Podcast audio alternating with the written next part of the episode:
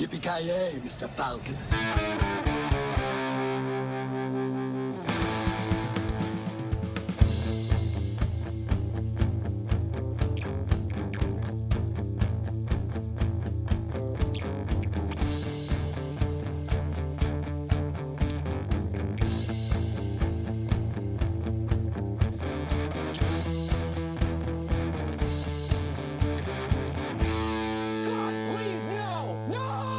Jajamensan gott folk, hjärtligt välkomna till ännu ett avsnitt av eh, Filmsmakarna.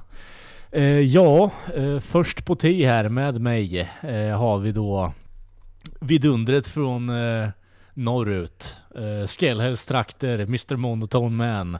Eh, Joakim Granström, läget? Jo då, jag ska inte klaga allt för mycket. Jag fick eh, höra från en kund idag att jag hade de fulaste glasögonen han någonsin hade sett, så det förgyllde ju tillvaron lite extra.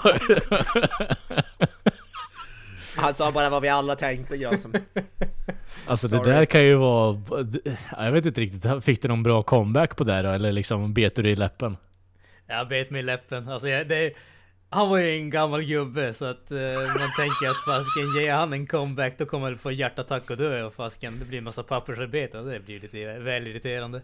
Är det bara jag som sitter och liksom längtar till man blir så här gammal så man kan släppa på filtret helt och hållet och skita i vilket?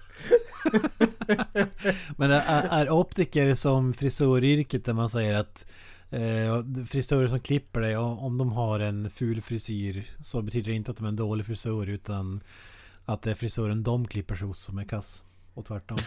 Ja, alltså generellt sett så skulle jag väl tro att frisörerna klipper väl sig inte sig själv så ofta, så att... eh, Jag misstänker så, men det, Fram med Däremot pottan är det liksom. alltså, jag, jag sticker ju inte under stol med att eh, jag tar glasögon som sticker ut. Det, det är ju halva poängen med dem. Men, men det är mer bara en sån där, alltså det, det är en kund som jag har en interaktion som varar i typ två minuter och under de två minuterna så var det tydligen väldigt viktigt att han fick informera om hans åsikt att mina glasögon var hemskt fula. Det, var- det var bara mer det som var grejen. Det var som, du kunde inte hålla käften i två minuter. Det, det var, okej. Okay. All respekt till den jävla kunden alltså. Fan vad bra gjort. Ja, äh, men vi letar oss ju även lite mm, längre norrut här också. Eh, golffenomenet från Piteå. Eh, Mr eh, Swing Salot, Mr John Daly av Piteå. Kent Wikström, läget? Ja det är bra, det är bra. Ja, golf. Här är jävla vad jag spelar golf mina dagar. Ja, ja, Kommer du nyss tillbaka från countryklubben eller? Från ranchen eller vad de brukar säga. ja precis. Driving range. Jajamän.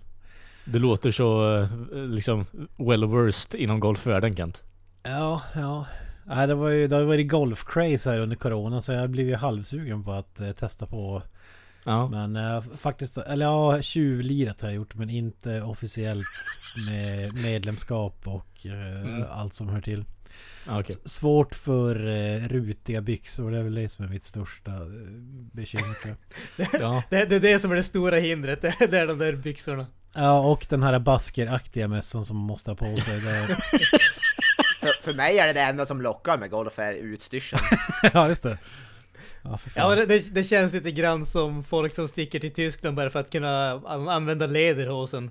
Det är liksom, det finns, det, de har en möjlighet i livet att använda dem och där när de sticker dit så varför inte ta tillfället i akt? är det nu jag bör, inte bör säga att det är en vanlig tisdagkväll det är för mig eller? Lederhosen. Och onsdag kväll och så var jag där i kim kimono. Nej det är ju dagligen. Så jag öppnar dörren där, vad heter det, postgubben kommer på dagen. Har du något paket till mig? Frågar jag. Och då säger jag nej, då säger jag jag har ett paket till dig och så öppnar, öppnas den. Och då stängs dörren Då säger han vänd dig om så ska du få det. ja, ja. I, Ja. I don't kiss and tell, så att säga. Nej men vi vet ju alla att du kallar ditt anus för brevlådan liksom så.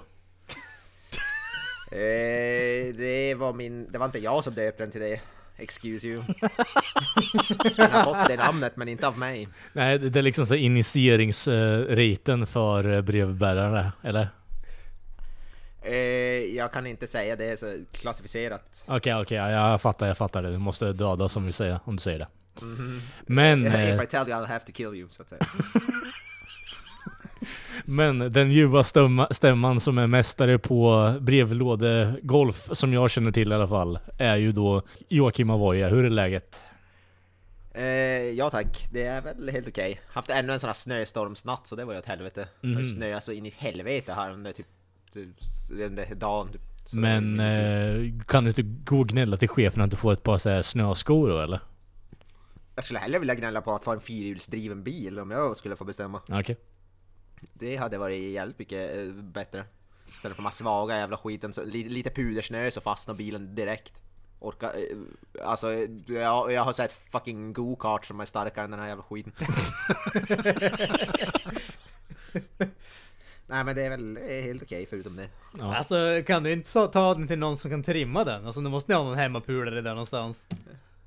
Alltså man, man tycker ju det, men ja. De är så jävla snåla på ett företag. De vill bara, det är, alltså bilar är bara typ plast och eh, orkar ingenting. Kör fast i minsta lilla, för jävligt. Okej, alltså jag förstår. Nu, för, nu kommer ju sanningen fram här. Alltså det här är ju medvetet från deras sida. Det är ju helt för att ta hänsyn till dig Avoya. Alltså det här är ju en säkerhetsgrej. Om de är gjorda av plast så kan de inte gå snabbare än 20 för då kommer du ju att dö om du krockar. Det här är ju en så underbar sant, koppling till att Mr. Avoyas företag har ju köpt sådana här småbarnsbilar man hade. Så här, tramp, leksaksbilar, Volvos och så, och så Bobbycars. vidare. Alltså, alltså de, Ja, de hade ju seriöst orkat mer än de här skiten vi har nu. Då hade man i alla fall kunnat ta i med fysisk styrka än med de här jävla skiten. Ja det, ja, det är mycket positivitet där som vanligt och det det lär väl bli mer positivitet om jag har fattat helt rätt också. Eh, nu när vi ska prata om filmen eh, Caddyshack 2 som avslutning för vår, ja vad ska man kalla det? kritiserade uppföljartema. Alltså jag, Ja, jag måste ju alltså- säga bara innan vi drar igång diskussionen.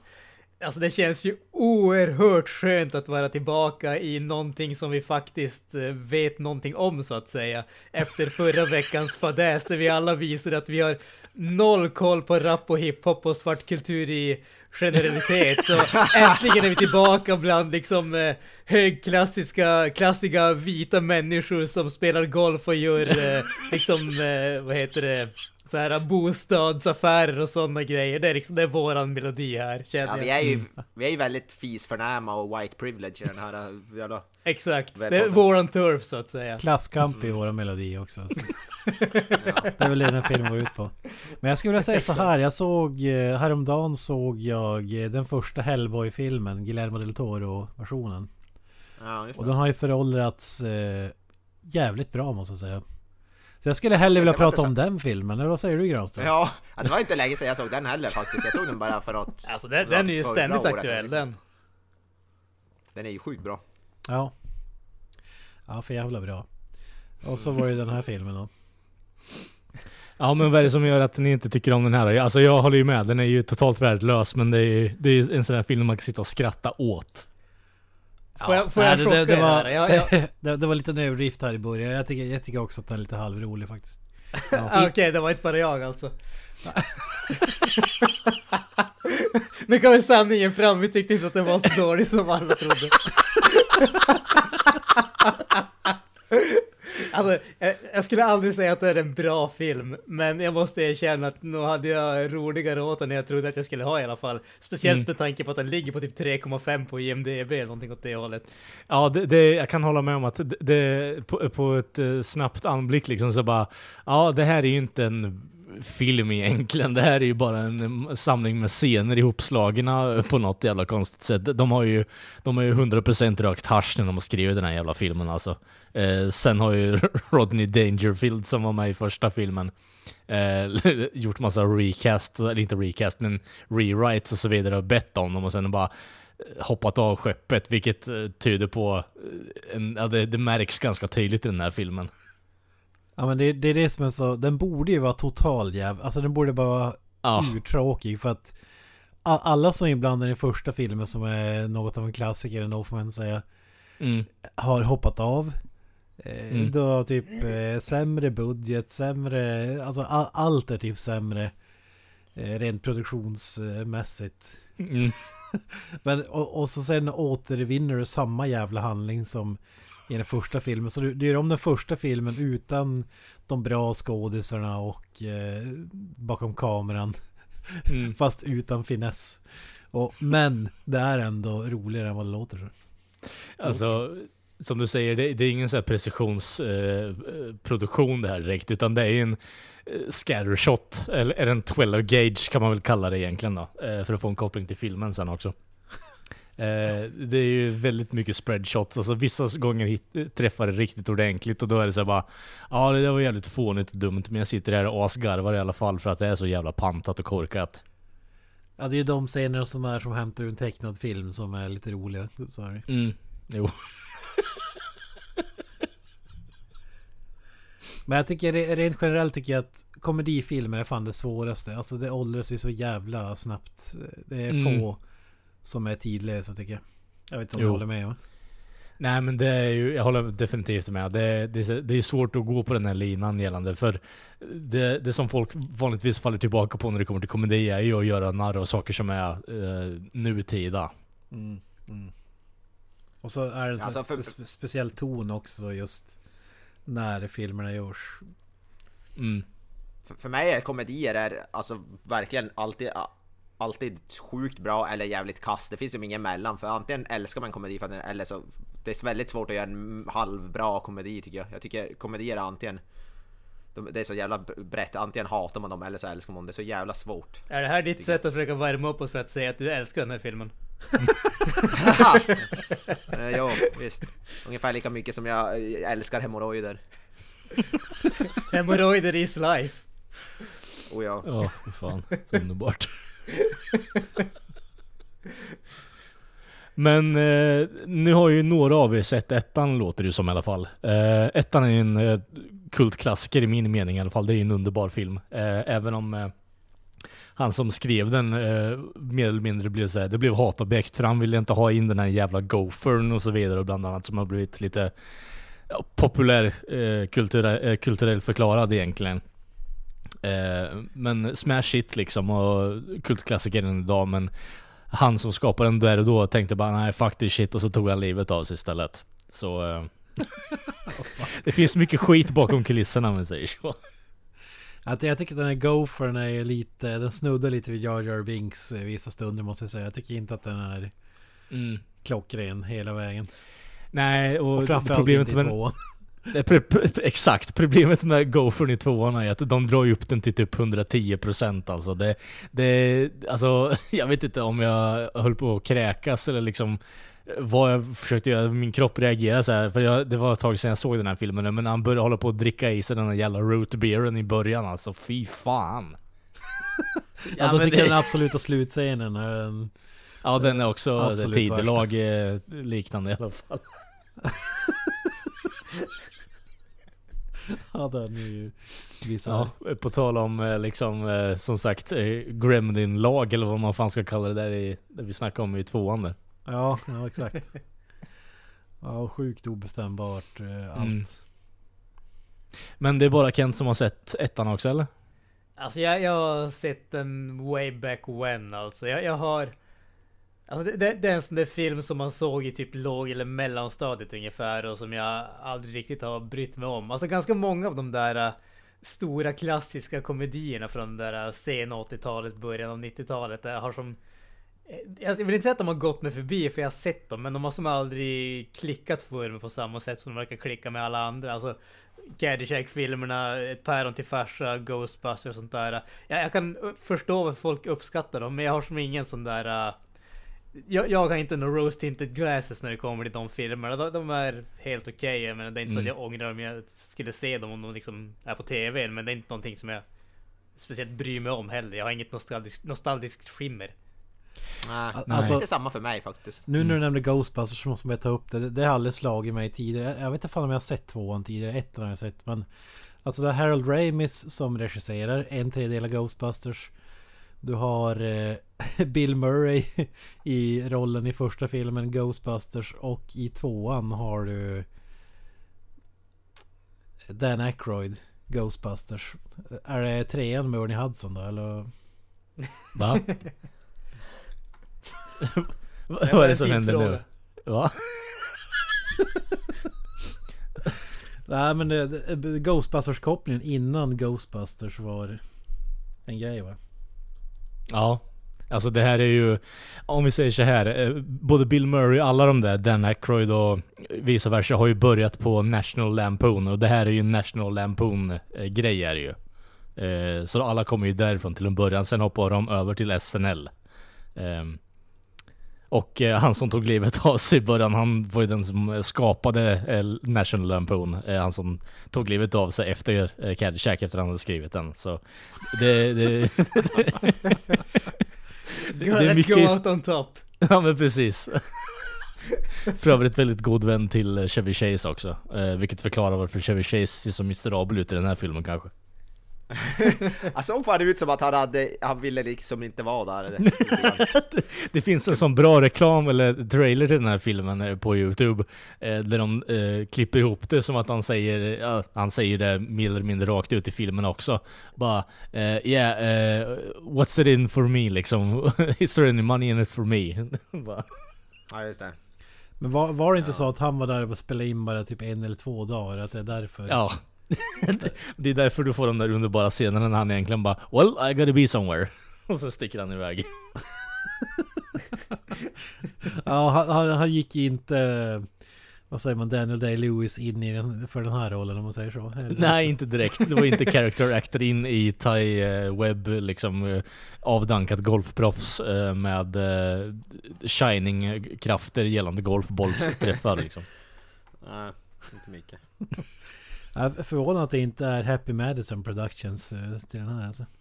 Jag kan ju faktiskt se Adam Sandler försöka göra sig på en eh, remake på den här. Eh, Även om eh, jag kan ändå säga att Happy Gilmore är en underbar film. Det är inte lika bra att vi bara får en Happy Gilmore Caddyshack crossover. Shared universe. Happy Gilmore, alltså Cinematic Universe alltså. Ja, men precis. exakt. Happy Ja, men alltså, det- Gilmore det har känns ju som- ihjäl... Det och så kastar man in Stig-Helmer på ett hörn också. Där, då har vi liksom träffat alla... Alla viktiga bitar finns med då. Och så måste vi slänga in Kevin Costner på något hörn också med Tin Cup och så vidare. Ja, det är klart, det är klart. Men jag tänker e- ettan, jag måste bara nämna att alltså, jag är inget fan av kiss och bajs humor. Det går otroligt sällan, är typ aldrig hemma hos Mm. mig. Men i den första filmen är det faktiskt ett sånt skämt som går hem måste jag säga. när, när, när de har så här poolparty, caddisarna och eh, någon slänger i en Babe Ruth bar eller vad det kallas, en godisbit som ser ut som en korv. Eh, Kommer ni ihåg den scenen? Ja. Nej. Okej. Och, så här, och så kommer det hem världens mest fisförnäma eh, tant. Jag vet inte om det är hon som är med i tvåan också eller om det är någon annan, jag minns inte. Ja, hur som helst, överklass. Eh, som kommer hem och säger att i hennes pool ligger det en... en vad, vad alla tror är en turd. Och, och börjar, börjar skrika som en galning och så... Eh, ja, utrimmar de hela poolen och så kommer dit så här folk som sanerar dem i sann Tjernobyl-anda med hazmat suits och grejer. Och så är Bill Murray någon sån här vaktmästare och så tar han av sig hazmat-suiten och bara Åh, här är den! Och så tar han upp den och så, och så biter han i den här godisbiten. Och hon tror att, det är, att han biter i en bajskorv och svimmar av chocken. Det är så, är så jävla kul alltså. Oh, here it is! Står och sprayar någon jävla gift eh, grej över hela bassängen. Ja, det är faktiskt bra. ja. Ettan är klockren för, för er som inte har sett den faktiskt. Men eh, gällande tvåan då grabbar, vad, det är ändå lite positiva tankar där hörde vi initiellt då. Ja, men det skulle jag... Alltså, än en gång. Det, det är inte något mästerverk, men jag tyckte ändå att den var hyfsat underhållande. Mm. Alltså, det, det, det finns tillräckligt många små skratt för mig för att jag ska tycka att det var inte liksom en fullständig waste of time. Jag menar, det behöver inte alltid vara så mycket med det. Nej, precis. Det, det, det, det säger väl lite hur lågt den här filmen sätter ribban också kanske, men... så kan det vara. Alltså mitt största problem är ju att eh, Rodney Dangerfield inte är med i tvåan. Alltså jag såg dem back to Mm. back. Eller inte back to back men med någon dags mellanrum bara. Och han är den ultimata behållningen i den första filmen tycker jag. Han är ju, alltså den här filmen är ju skriven för honom. Det märks ju väldigt, väldigt tydligt om du tänkte efter på det. Alltså, det som... Eh, hade den här filmen haft hans pondus och liknande så hade det ju varit en helt annan film i min mening. Även om det hade varit lite så här och äh, gränsfall på var lite för mycket gällande den här ja, Coney Island äh, theme parken och så vidare som vi kommer till senare. Men alltså, det, är så, det, är så, det är ju precis den här urtypen för uppföljare på 80-talet som vi har snackat om initiellt i inledningsavsnittet. Äh, det är att det är originalfilmen fast overblown bara. Ja, men alltså, han, han spelar den svåraste karaktären som ah, blir så jävla lätt pannkaka. Den överdrivna idioten och typ... Mm. Eh, alltså det, det är så jävla lätt att det blir eh, Mr. Magoo eller vad man ska kalla det. Men eh, Mm. han är ju perfekt. Han har ju perfekt balansgång där mellan rövhål och stolpskott. som, Ja, man kan ju inte låta bli att älska Rodney för han är ju liksom som du säger the lovable asshole. ja, han är det. Och sen i den här filmen som du säger känns det som att det är exakt samma karaktär fast det spelas av Jackie Mason då, som är någon slags ha- Hans variant på karaktären är någon slags klass, klassföraktande eh, maffia-gangster-aktig typ. Som, som verkligen inte håller samma klass alltså. Ja. Mr. Avoya, vad hade du för tankar kring filmen då? Du var ju lite en, en av de mer negativa punkterna i alla fall. Du Alltså, ville... jag tyckte ju den var jävligt, alltså den var ju värdelös i princip. Det var en gång som jag, som jag kan säga att, alltså att jag genuint skrattade tyckte jag var roligt, en scen. Men Mm. förutom det så är det så här, den är, den är bara tråkig. För Mm. att alltså, den är inte så dålig så att den är rolig att skämta om direkt, den är bara, tråkig. Som gäspframkallande tråkig tyckte jag. Ja, ja, men jag kan hålla med om att... För när jag såg den här först, efter att ha sett första filmen, så... Eh, jag kan verkligen apa den tanken då, men... Det, det är någonting med en repeat viewing över att den är så pass patetiskt eh, ihopsatt så att den blir bra på något jävla konstigt vänster alltså. Alltså jag tycker inte att den blir bra, det tycker jag är att ta i. Men jag menar, skulle man klippa, i, skulle man klippa ett highlights reel med skämt som funkar för den här filmen skulle klippet vara ungefär 30 sekunder, en minut. Men det är ju en underbar minut. Jo, jo. Alltså den serien jag pratade om, den var faktiskt sjukt eh, kul, alltså den, vi kommer lite till den senare men alltså den, den faktiskt, där skrattade jag genuint, det tyckte jag var jävligt roligt men Ja, förutom det var det inte mycket highlights kan jag inte påstå. Mm. Någon sån små fniss möjligtvis. I, eh, högst, men Ja, det är, för, för mig är det ju Randy Quaid som räddar upp eh, den andra filmen. Inte, li, inte lika magisk som eh, Dangerfield på något sätt men eh, han, har några jävligt eh, ljusa stunder måste jag erkänna. Ja, det var väl innan han blev så psykbryt och flydde och kidnappade folk till Kanada och så vidare. Det är en konstig människa det. Ja, alltså här har jag gått och trott att Independence Day var hans Magnum Opus men så fel man hade. Ja, hur fan. Randy Quaid. Ja, även eh, jag hade väl en liten kort grej att säga här innan vi drar igång med filmen här då. Eh, det här är ju Mr Dan Aykroyd eh, är ju med i den här filmen också och eh, han har ju vunnit en Razzie för sämsta supporting actor. Med all rätt. Kent skriver på där, jag gör det också för den delen. Tveklöst. Alltså, i en film med svaga skådespelare överlag så är det svårt att tänka sig att Dan Aykroyd skulle vara den mest otrevliga saken man någonsin skulle kunna se på, men det är fan sant i den här filmen. Alltså, jag kände så fort de började med den där jävla enerverande rösten kände jag Ja. bara att fan någon kom in och curbstompade den där gubbjäveln. Ja, Rest, resten är ju bedrövlig. Alltså det är det sämsta valet jag någonsin sett på filmduken kanske att... Alltså alla kategorier nästan. Men det, kän, det, känns, det känns som att...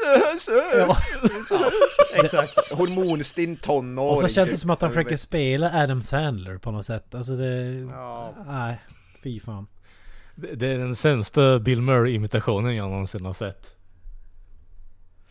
Ja, alltså om det där skulle vara hans... det kan ju inte vara en imitation, men Bill Murray Nej men det, det är den typen av karaktär han ska spela egentligen. Det är den han försöker på något sätt kopiera, men det går ju käpprätt åt fucking helvete. Ja, Bill Murray förställde sin röst lite grann i första filmen och han gör det gånger ty- 10 000 och hamnar mitt ute i öknen. Nej, med, med all rätt. Det man på förhand tänkte skulle vara det bästa med filmen är ju typ det sämsta. Ja, och det är ju lite på något sätt eh, uppfriskande kan jag ändå tycka. Ja, det är tur han har Problemet där det är att det betyder inte att allting annat som man trodde skulle vara sämre är mycket, mycket bättre än man trodde. Det att det man Mm. trodde skulle vara bra var så mycket sämre än man trodde att det skulle vara. det, Du är verkligen glaset är halvfullt kind of guy alltså. Exakt. Åh, fy fan vad bra. Ja, men... eh, Is it that time? Ja, det är väl det.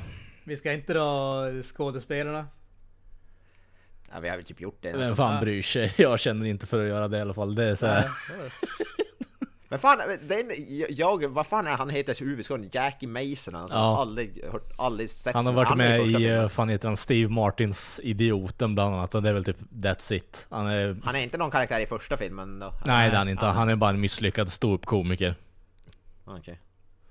Ja. Ja, det, det var det vi sa. Han skulle ersätta eh, Dangerfields karaktär i första filmen. Eftersom att han tackar nej. Yes. Är det någon mer som är värd att nämna i castlistan?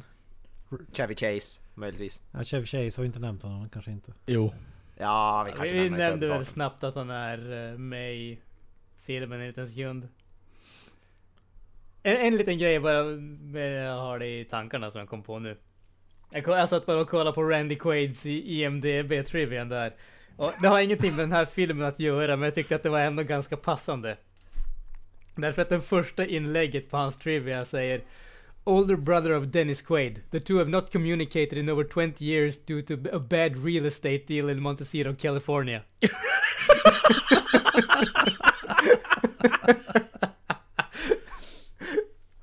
jag, vet, inte, jag tyckte det, var, det kändes jävligt passande. Åh fy fan alltså. Ja, faktiskt. Ja, ni har ju Ja. fått genomlida det här med eh, filmen på tre minuter. Eh, och eh, jag ska väl inte vara ensam om det heller. Eller jag ska inte vara ensam och sticka ut med mycket, det. inte mycket sämre så Nej, precis. Så ja, någon av er får gärna plocka upp ett eh, tidtal. Ja, jag är redo. Du räknar ner så kör jag. Okej. Tre, två, ett, go! Ja, den här filmen utspelar sig då på en eh, eh, country club, en golfklubb med andra ord. Och vi får då möta Kate Artunian som vill gå med i den här överklassklubben och eh, blir övertalad av sin eh, Eh, white Anglo-Saxon Party-kung eh, här då, då eh, i Miffy, hennes polare. Som vill bjuda in henne och hennes farsa som är eh, real estate mogul och han bygger lite low income houses och så vidare. Och eh, kommer till klubben där och eh, ja, klubben som vanligt som eh, många andra kända golfklubbar är eh, hets mot folkgrupp. En eh, aktiv grej man försiggår med. Och eh, försöker mobba ut den här jäveln då. Och eh, Jack Cartoonian då som eh, farsan heter, har ju då jagat iväg en kärring på sitt bygge här då eh, med en bulldozer. Och den här kärringen då visar sig ju vara maka till snubben som äger klubben. Och hilarity ensues som sagt. Och på på den första rundan när hon åker dit och spelar så råkar du då spela med den här kärringen och blir påkommen och eh, blir eh, utsatt för diverse småhugg och så, ja, smånyp här från han presidenten på klubben. Och eh, de mobbar helt enkelt ut honom. Men eh, han eh, går ju då med på den här slavaktionen som de har på klubben av någon jävla anledning. och eh, köper varenda jävel som finns på klubben för att jobba på hans byggarbetsplatser. Eh, och det leder ju till att det blir mer klyftor gällande de här två parterna. Eh, och sen gör vi ju då entré på en psykadvokat eh, i Randy Quaid som då försöker utpressa och eh, trycka ut de här människorna så att han faktiskt får gå med i klubben och eh, ja, får en trevlig eh, och dräglig vardag. Eh, och det så resulterar då att Jack Artunian köper klubben och eh, gör om den till Coney Island eh, Theme House i stort sett egentligen. Eh, det här tycker då inte ledningen om och då anlitar ju de en lönnmördande PTSD spöktroende Dan Aykroyd för att ta bort Jack Artunian ur eh, bilden som sagt. Eh, men det här går ju inte helt bra och det här resulterar ju till att det blir ju då en foursome som spelas om klubbens ägandeskap. Och under den här foursomen då så ska ju den här eh, lönnmördande PTSD spöktroende Dan Aykroyd du förstår, försöka ta Jack Artunian ur spelet med en explosiv eh, golfboll. 30 sekunder. Eh, och det här går ju inte så eh, bra utan han skjuter sig själv i röven med en giftpil. Det här går inte så bra med det här lundförsöket. Eh, Jack Artunian sätter då en magnetputt för vinsten medan den här gophern då listigt byter ut eh, de andra människornas boll mot en TNT-putt och eh, ja, Jack Artunian vinner då klubben och alla lever lyckliga i alla sina dagar. Nice! Nu hade ju fem sekunder över till och med. Byter han ut putten? Byter han inte ut bollen? Bollen, förlåt mig. jag tänkte vad fan. Ja, det hade varit om man snor i golfbagen och börjar rota där. Ja precis. Eh, börja ta eh, klubborna liksom. Ja. ja, du har just beskrivit eh, sjunde inseglet, eller vad har du? Ja exakt. Det är jag som är döden. ja fy fan vilken handling. Gopher kommer och hämtar dem bara. Jag har länge vandrat vid din sida.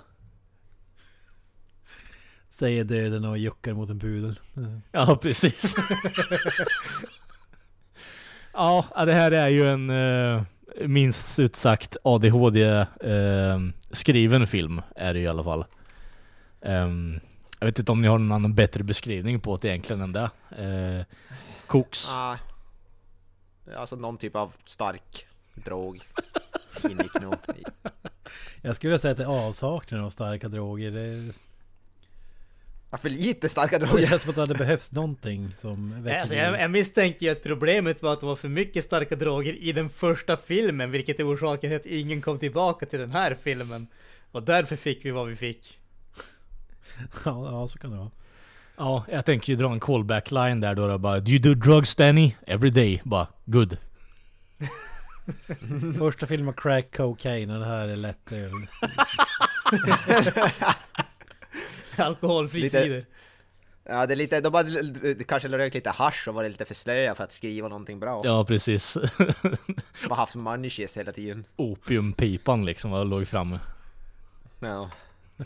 Ja, men det, det är en klassisk film, det gäller att smida medan järnet är varmt. Åtta år senare efter den första filmen, då jävlar. Ja. Var det så jävla länge Ja, alltså? det är det. Jesus. Det här är ju en så här Ja, då är det... underbar film egentligen för det, det här är ju någonting, de har ju försökt dra in Harold Ramis i bilden, han som eh, underbar människa, död nu för övrigt men eh, fruktansvärt rolig människa. Eh, bra på att skriva manus och regissera. Eh, första filmen var ju, inte, var ju hans eh, regissörs eh, debut och det var ju lite ja, halvt som halvt. Han hade ju inte koll på vad fan han gjorde då i stort sett så det blev ju lite som det blev men eh, annars är han väldigt bra på att skriva manus, människan. Eh, och de har ju då försökt få in honom till tvåan här nu och bara Ja men Jackie Mason kommer vara med för eh, Rodney har hoppat av här nu bara Ja men jag kommer inte hoppa med nu, det, ni, ni får lägga ner. Och så har det där fortgått i några år och så har det resulterat i det här istället. Är det här en sån här rights-grej eller? Nej, kanske, kanske är för tidigt. Jo, han har ju på något sätt försökt sudda ut sina, sin involvement i den här filmen. Han har ju faktiskt skrivit saker och ting först, men sen har han på något sätt velat bara Nej, men jag vill inte vara med. Bara, "Ja, men kom igen snälla, du kommer döda vår film om du tar bort din credit helt och hållet där nu.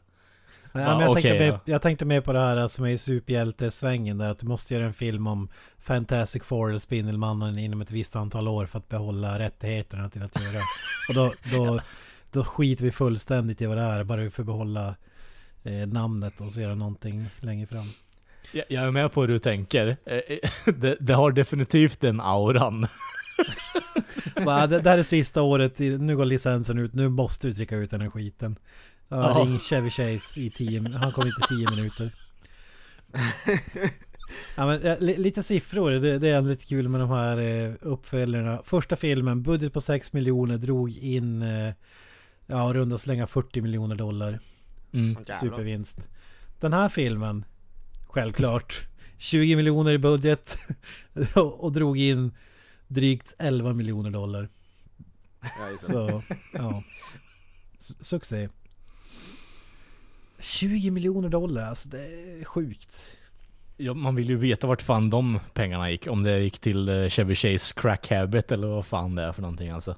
Det är väl 10 puppeteers till den här uh, sorken.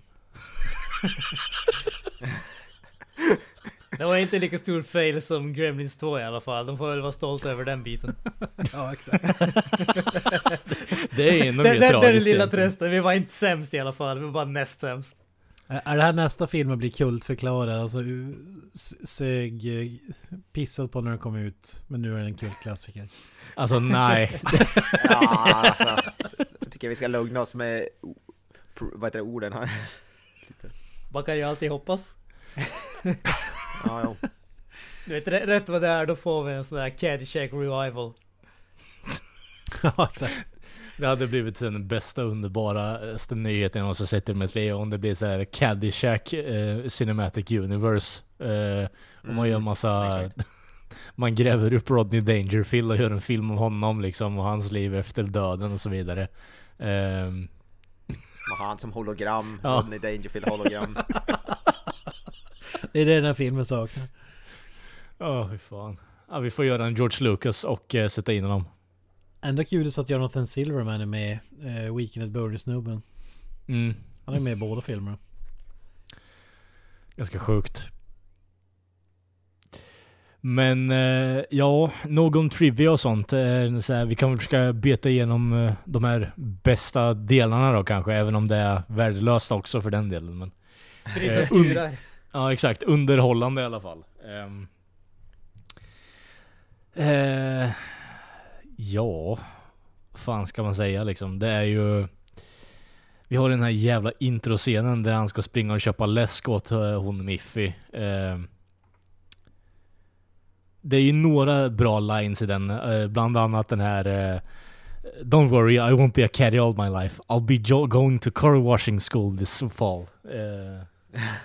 Ja, ja lite smågulligt. Bra beskrivning där. jag, jag, Smågulligt att, var, var den bästa beskrivningen. jag gillar att ni inte vill ha någonting med den här filmen att göra nu. Ja, nu när vi ska börja, då är vi, känner vi oss klara liksom. Alltså, jag, jag, jag, alla, alla vet ju vid det här laget att jag har väldigt många pet peeves som vi säger så. Mhm. Jag, jag tycker inte om när folk gör vissa saker. Och den här jävla caddien gör ju en sak som jag absolut hatar. Det är att han sticker ut den där tungan ur munnen hela jävla tiden. Va? Ja, det tänkte Ja. jag inte ens på. Jag Det tänkte tänkte, på jag det. heller, det tänkte inte jag heller på. Han gör det typ flera gånger och jag hatar det varje sekund. Det var ditt största problem med den filmen. Ingenting ens Vilket fick mig att känna att den där jäveln har förtjänat fan att vara fast i den där rollen som caddy. Han ska, han ska fan inte komma in på car washing school alltså. Alltså, Du verkar vara den enda som ens har märkt att han gör det. ja, Ja, jag, jag menar det. Det, det, det, är, det är det här som är det underbara med Granström. Man kan sitta och störa sig på folk som andas liksom. Ja. Klart som andas och, och använder sin tunga typ när de spelar golf. Vad fan är problemet? Andas tyst.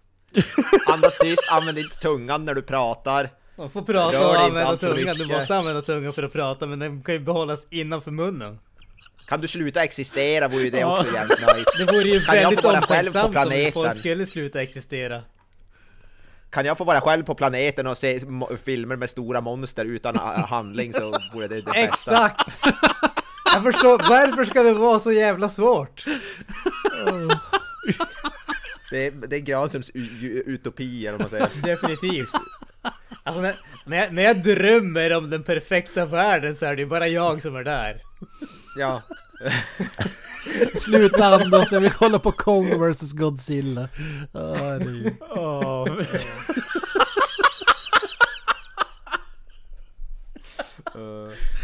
Ja, ja, för, för min del så behöver vi inte prata så mycket om filmen. Vi kan gå in på mer lore-grejer med gällande Granström. För den. Herregud. Nej men inte den här känslomässiga scenen när Kong ska slå ihjäl Godzilla. Fan, andas inte Ja. med din jävel. Alltså i den scenen är det inte okej sånt. Där ska man gråta.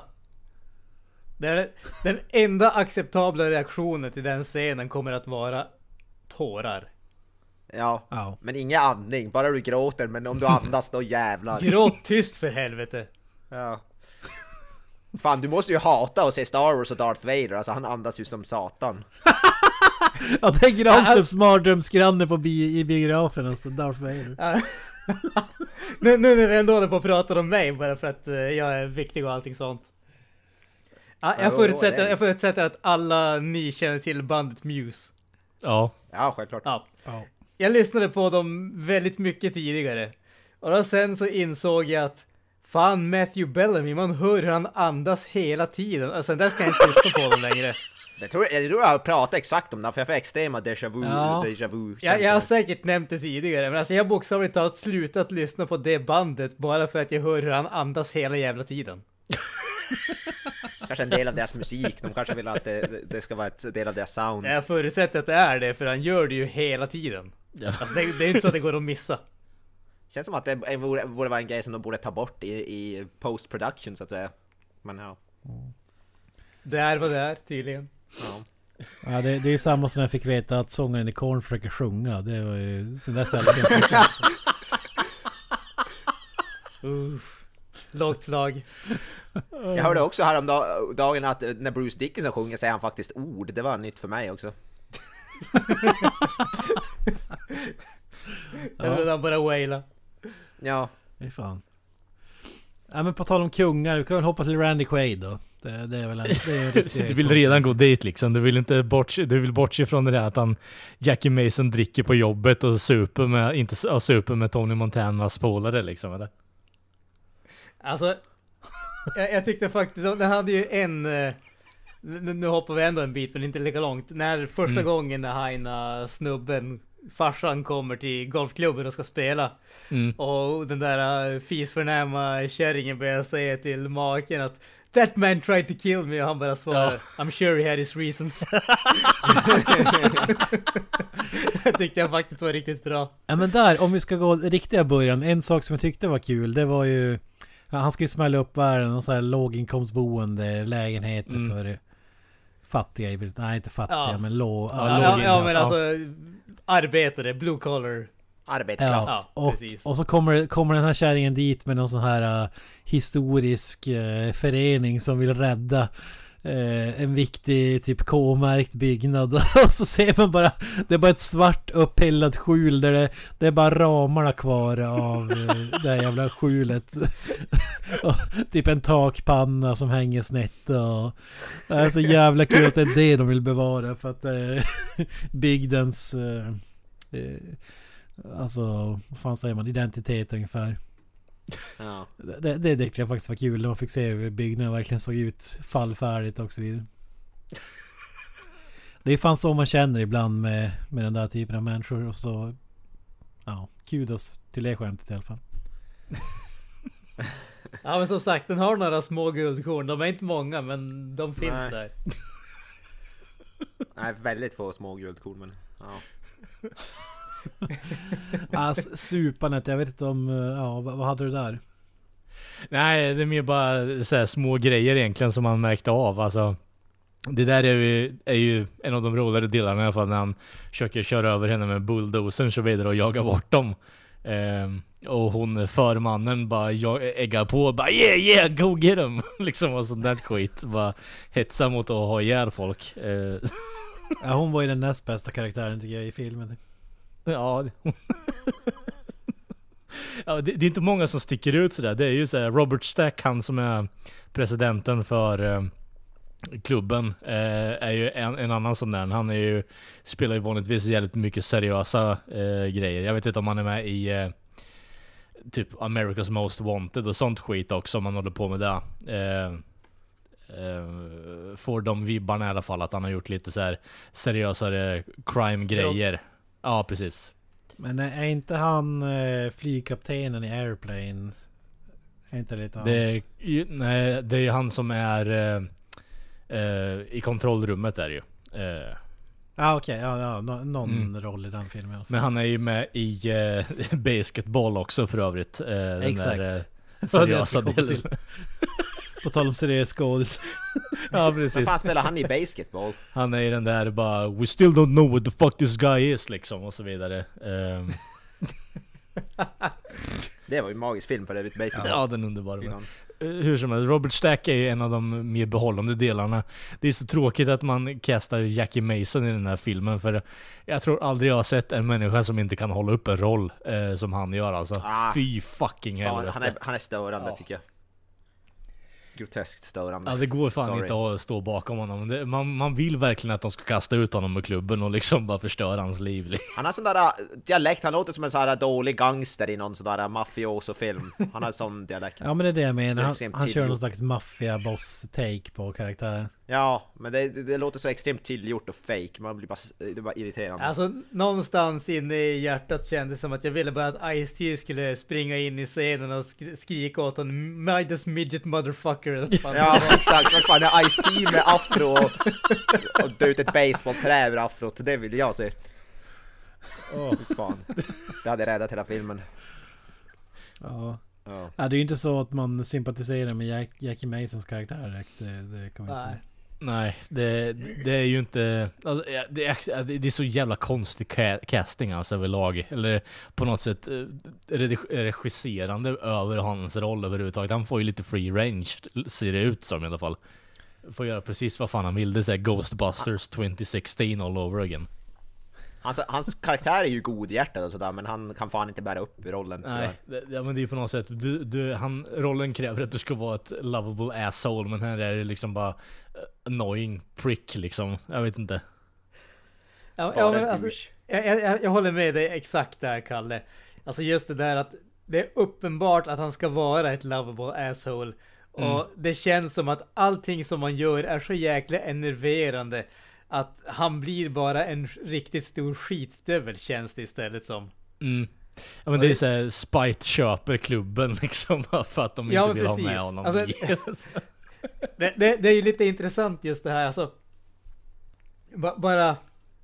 Alltså det finns ju någonting när det kommer till sån där äh, klubbexklusivitet och vi ska inte tillåta vissa att vara med i klubben och sån grej. Alltså det är, Mm.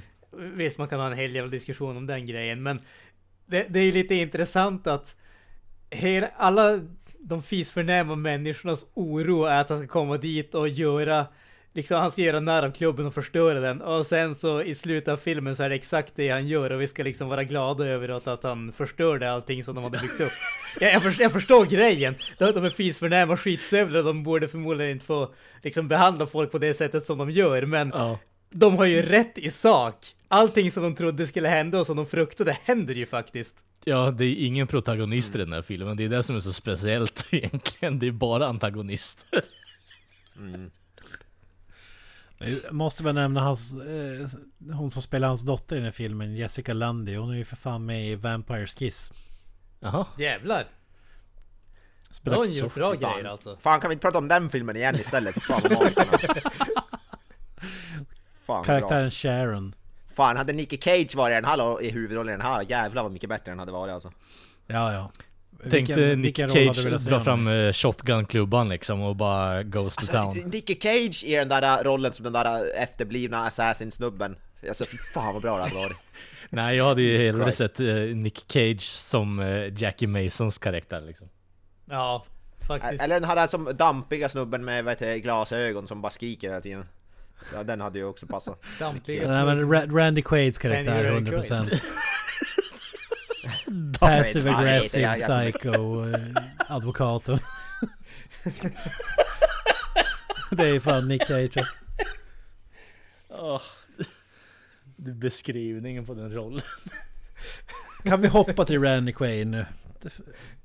Ja det kan vi väl göra i och med att du verkligen bara vill prata om det här då. Ja, men kan, kan du inte dra den sidan han ska sweet-talka motståndet här inför twisten? Ja, alltså upp, upplägget på den här scenen är ju då att eh, de har ju då den här historiska Restoration eh, Foundation grejen eh, och klubben i sig.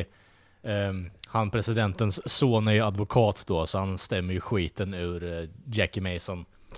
Eh, för att de bryter mot stadgar och så vidare. Eh, och eh, då ska ju då Jackie Masons eh, advokat, ehm, vad fan är han heter? Det är Peter eh, Blunt va? Blunt. Ja. Ja. Eh, väldigt eh, sägande namn där, för han går ju inte in med finhandskarna direkt. Nej, han är jävligt blant. Eh. Nej, så han går in där, lyssnar på bara Ja, ja, ja, ja det, du kan ju dra fram det här fina advokatsnacket allt du vill, men vad sägs om, om jag hittar din hemadress och kommer in med ett baseballträ, har ihjäl din mor, slår in pannbenet på dig och pissar i ditt ögonstock? Gri grillar din golden retriever och kanske Ja. äter den sen. Alltså, ska jag, behöver jag någonsin ett advokat ska jag, skulle jag anställa den där snubben alltså. Direkt. Och så efter den här jävla psykattacken mot honom så kom han ut bara I tried to sweet talk him, it didn't Ja. work. jävla briljant. Det var faktiskt en, det var faktiskt, nu, faktiskt två scener som var roliga. Det var den scenen och en till. Ja, du ser, snart kommer han erkänna att han älskar hela filmen. Ja, ja precis. Ja, för det Det här finns inget kommer fram mellanting. sakta det men säkert.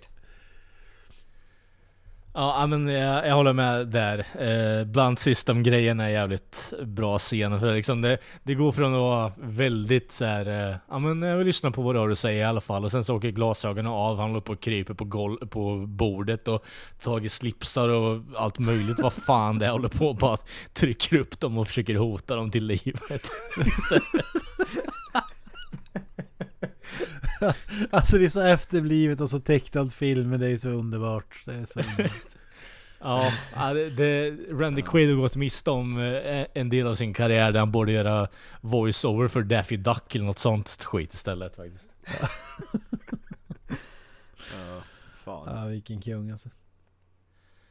Alltså en scen, det är ju också en tid, Kalle nämnde den i sin, det är ju där när han köper alla, vad heter det, som slavar där. Alltså det var, det var den scenen som jag syftade på som jag skrattade, där vad heter det, först köper de, men sen i scenen efter när han får dem alla att jobba på sin jävla arbetsplats, det var, då skrattade jag ganska gott alltså. Det var jävligt kul.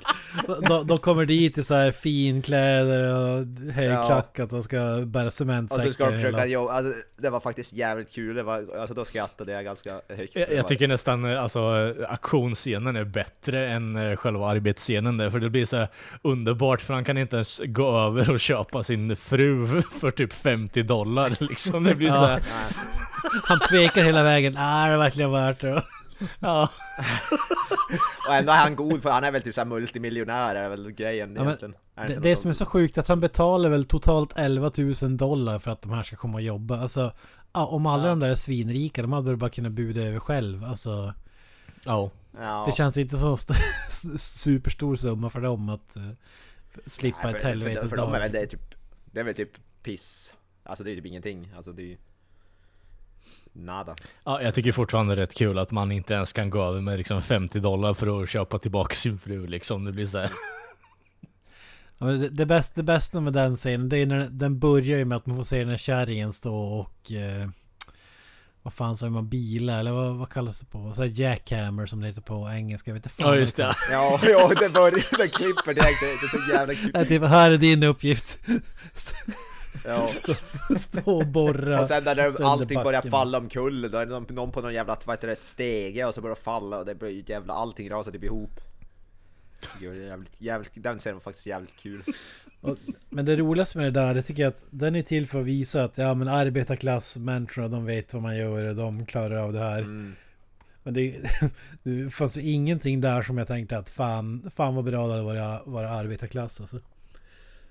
Jämfört Nej, med Det roliga är det där stekarklassen. sto, den här stora svarta snubben kommer sen med två säckar eller någonting och står och garvar åt dem. Det tyckte jag också var jävligt kul. Ja exakt, han, han klarar knappt av att bära en halv säck och han kommer med fyra säckar eller fan är. Ja exakt, så står det typ bara huh, huh, huh. Så får man ju tänka på att han är typ 70 bast också liksom. Så vad fan. Ja, det är också där för, förbanden när hon, när hon säger bara I want real workers uh, Guys that just uh, broke up with a waitress or something Eller vad de säger Ja. alltså. Ja, De beskriver vilken typ av arbete de vill ha Jag tycker det var magiskt också Alla fördomar så här Byggnadsarbetare Nej, det var faktiskt rolig scen. För typ enda gången jag skrattade riktigt så här högt. Ja, eh, det är lite petnoga här nu så är det något annat ni vill ta upp här eller? Alltså, Det finns så mycket djup, det Ja, är så precis. mycket att oerhört analysera här. Alltså, jag, jag har ju en till sån där kommentar som faktiskt fick mig att eh, skratta när det kommer till den här filmen. Är det crisp eh, 50 dollar bill eller? Nej, faktiskt inte. Det, det, är, Ja, det, det var det är faktiskt också. det, det är ju när den där uh, klubbpresidenten träffar uh, den där uh, Dan Aykroyd, militären, första gången. Och ska ge han uppdraget och då säger han liksom I want him to be discouraged from erecting any structures on Bushwood Estates. Discouraged?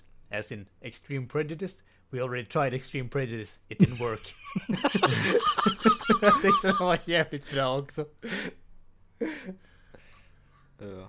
Ja, ibland kan man nästan tro att eh, någon har tänkt till när de har skrivit det här manuset. Men det, det, det, det kommer man ju på bättre tankar kring sen typ meningen efteråt. Ja men så är det ju. Så fy fan, den här karaktären alltså, vi sa ju det nyss men alltså den- denna Dan Aykroyd, alltså fy fan vilken horribel karaktär. alltså jag blir illamående och jag bara tänker på det alltså. Jesus Christ. Ja. Kan ju vara den mest tillgjorda rösten eh, som någonsin har eh, sett på film tror jag. Ja. Jag skulle nästan Alltså, säga att eh, mm. tveklöst så. Ja. Jag vill ju nästan slå ett slag. Alltså det har fan nailat den där rösten dessutom. Ja, ja, ja, ja. för var, vars fan tror du de har fått den ifrån? Sj- kommer fram att det är självhat här i podden också. Ja, ja, ja, vad fan. Det trodde jag var obvious. Okej. Men du, du nämnde ju eh, have, you, have you ever seen a crisp eh, 50 dollar bill? Vad fan, menar, vad fan menas med det skämtet egentligen? Är det att hon aldrig har sett så mycket pengar eller är- vad är skämtet? Ja, det är väl det. Skulle jag gissa på att hon är lågklass eller något, jag vet inte. Ja. Ja, ja, ja, ja. Det kanske är kul, jag. Jag gillar att han ändå är med på det där, för det där är ju en eh, din callback-scen till första eh, filmen också. Där han egentligen bara sitter och gör massa foter åt eh, snygga tjejer som går förbi och beter sig som en idiot liksom. Håller på, ja, fingret, eh, fingrarna liksom framför munnen och håller på med tungan och så vidare och, och allt möjligt skit. Det här är liksom bara eh, dra massa se- sexuella eh, referenser rakt ut. Det är ingen så här subtilitet överhuvudtaget med att egentligen, det är inte det andra heller men det är mer subtilt än det här. Ja, jag, jag fattar inte det. Jag, jag förstår att det skulle vara skitroligt skämt men det flög i huvudet på mig. Ja, nej, det, det är väl inget så här är för att det inte är nog superroligt skämt. Det är mer bara... Det är, grejen med, som jag tycker med Chevy Chase är att det, han är ju väldigt så här, mycket för absurdum bara. Eh, Ja. och det, det är väl inte så här, Chevy Chase är en, ingen så här superrolig människa egentligen. Det är mer bara folket som han umger sig med. Det är precis som med Bill Murray liksom. Man behöver ha någon bra setup för att Bill Murray eller Chevy Chase ska vara bra. Och eh, ja, den här filmen säger väl lite allt möjligt om eh, Chevy Chase egentligen för den delen. Ja. What's in it for me? Ja, exakt. Eh, finns det någon jag kan spela av? Eh, nej, ja, men okej, fuck this movie då. Ja, för stackars Chevy Chase är verkligen inte ute att ha kul. Jag tycker verkligen inte synd om Chevy Chase faktiskt om jag ska vara fullt ärlig. Nej, han har väl välkänt eh, rövhål i branschen också. Mm. Ja, han, ja, i och för sig, han har väl sånt, lite sånt rykte. Men eh, Men han ser verkligen, det syns verkligen att han inte vill vara där. ja, ja herregud. Det är alldeles därför behöver vi ha en Caddyshack 3. Ja. Ja, idag ska han säkert ställa upp. Han kan inte tänka mig att han har så jävla mycket jobb.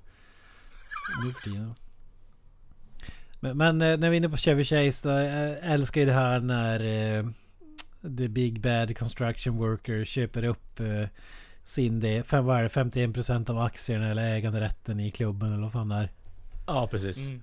av Chevy Chase karaktär och och tar och bygger om och ska göra det till en jävla, eh, vad de säger, Coney Island-aktig grej. Det, Ja. bort, bort med allt det här högklassiga och fina och in med det vars, värsta jävla arbetarklass-dravlet. Alltså han gör en gigantisk minigolfbana av den här eh, golfbanan och det är så jävla roliga hål eller hinder eller vad man ska kalla det. För problemet med det där är att man, man hade velat se mer av det liksom. Alltså att man hade, det blir så jävla mycket plotter i den här filmen. Det hade varit så mycket, mycket roligare om man hade fokuserat mer på den här Coney Island liknande minigolfbanan tycker jag. Gjort sig någon mer grej kring den här med eh, eh, matchen för ägandeskapet av klubben. Det är så här, det är fem minuter mer eller mindre av hela filmen. Ja men ja, jo precis. Ja, den, den är ju totalt ointressant och exakt kopia av första filmen också. Mm. Alla jävla eh, svängningar och så vidare. Men jag, hade velat se mer av hockey, hockeyhålet där. Fy fan vad kul. Där har Randy Quaid. Han sitter i så fake, fejkat utvisningsbås eh, vid ena hålet. Och så är det så här pappfigurer som sitter i bås bredvid honom. Och när man puttar på det hålet så måste man gå ut på en liten isplätt med en sarg. Och så sen väntar bara Randy Quaid på att de kommer dit och hoppar fram med hockeyutrustning och golfklubba. Och ska försöka typ eh, crosschecka eh, eller spöa skiten ur dem som... Eller så här, när de puttar då kan han bara springa fram och, och, ta bollen och, och vad heter det, åka iväg med den som att han spelar hockey och sen slå ner alla som är på greenen också. Så jävla kul. Det låter inte så jävla kul när jag pratar om det nu men scenen i filmen är magisk på jävla två kvadrats isplätt mitt ute i sommaren där. Jag tycker, jag måste nämna vad heter det, hans huvudkaraktären där, han, hans jävla högteknologiska golfklubba där, alltså vad, vad fan var det för någonting? Ja, med laserstrålar och grejer, vad i helvete? Det, det var ju jävligt kul också tycker jag att när han slog igång den första gången och så sa han bara ah, det, det är så stark signal här, det kan till och med slå ut pacemakers och grejer och så ser man någon i ba- gubbe i bakgrunden så hans pacemakers slutar gå och så är de på oh no och så eh, vad är- försöker få honom till liv igen och så stänger han av klubban och vaknar han till liv och bara oh it must have been the chili dog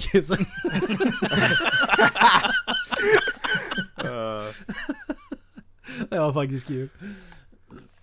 Alltså jävla weird, så dålig CGI så ser man den som trycker ner bollen på något sätt i hålet med laserstrålar typ, det är så jävla weird. Ja, Ja, äh, det är meningslös scen men jag antar att det bara var för skämtet med pacemaker. förmodligen. Och så ska det vara den där Bramserud-grejen. Dangerfield i den första filmen var en Bramserud eh, snubbe med high-tech grejer. Han så telefoner och radio i golfbagen och vad fan det nu var. Så är väl en nod till det i sig. Ja, precis. Mm. Och lite exakt samma grej med eh, Shotgun-klubban som faktiskt existerar i ver- verkliga livet också. Jaså? Ja. Men en fråga när vi är inne på Magnetklubben där. På Ja. sista som händer i filmen, då ska han ju... Då får han inte använda sin magnetklubba för tävlingens skull. Mm. Men han gör ljudet som att den är magnetgrejen. Nej. Nej, nej, nej. Eller? Nej, det är, det är den här jävla... Na, na, na, na, na, liksom, eh, du, har du har ju sett ettan. Eh, Det är så här 6 million dollar man grejen som eh, Chevy Ah. Chase gör.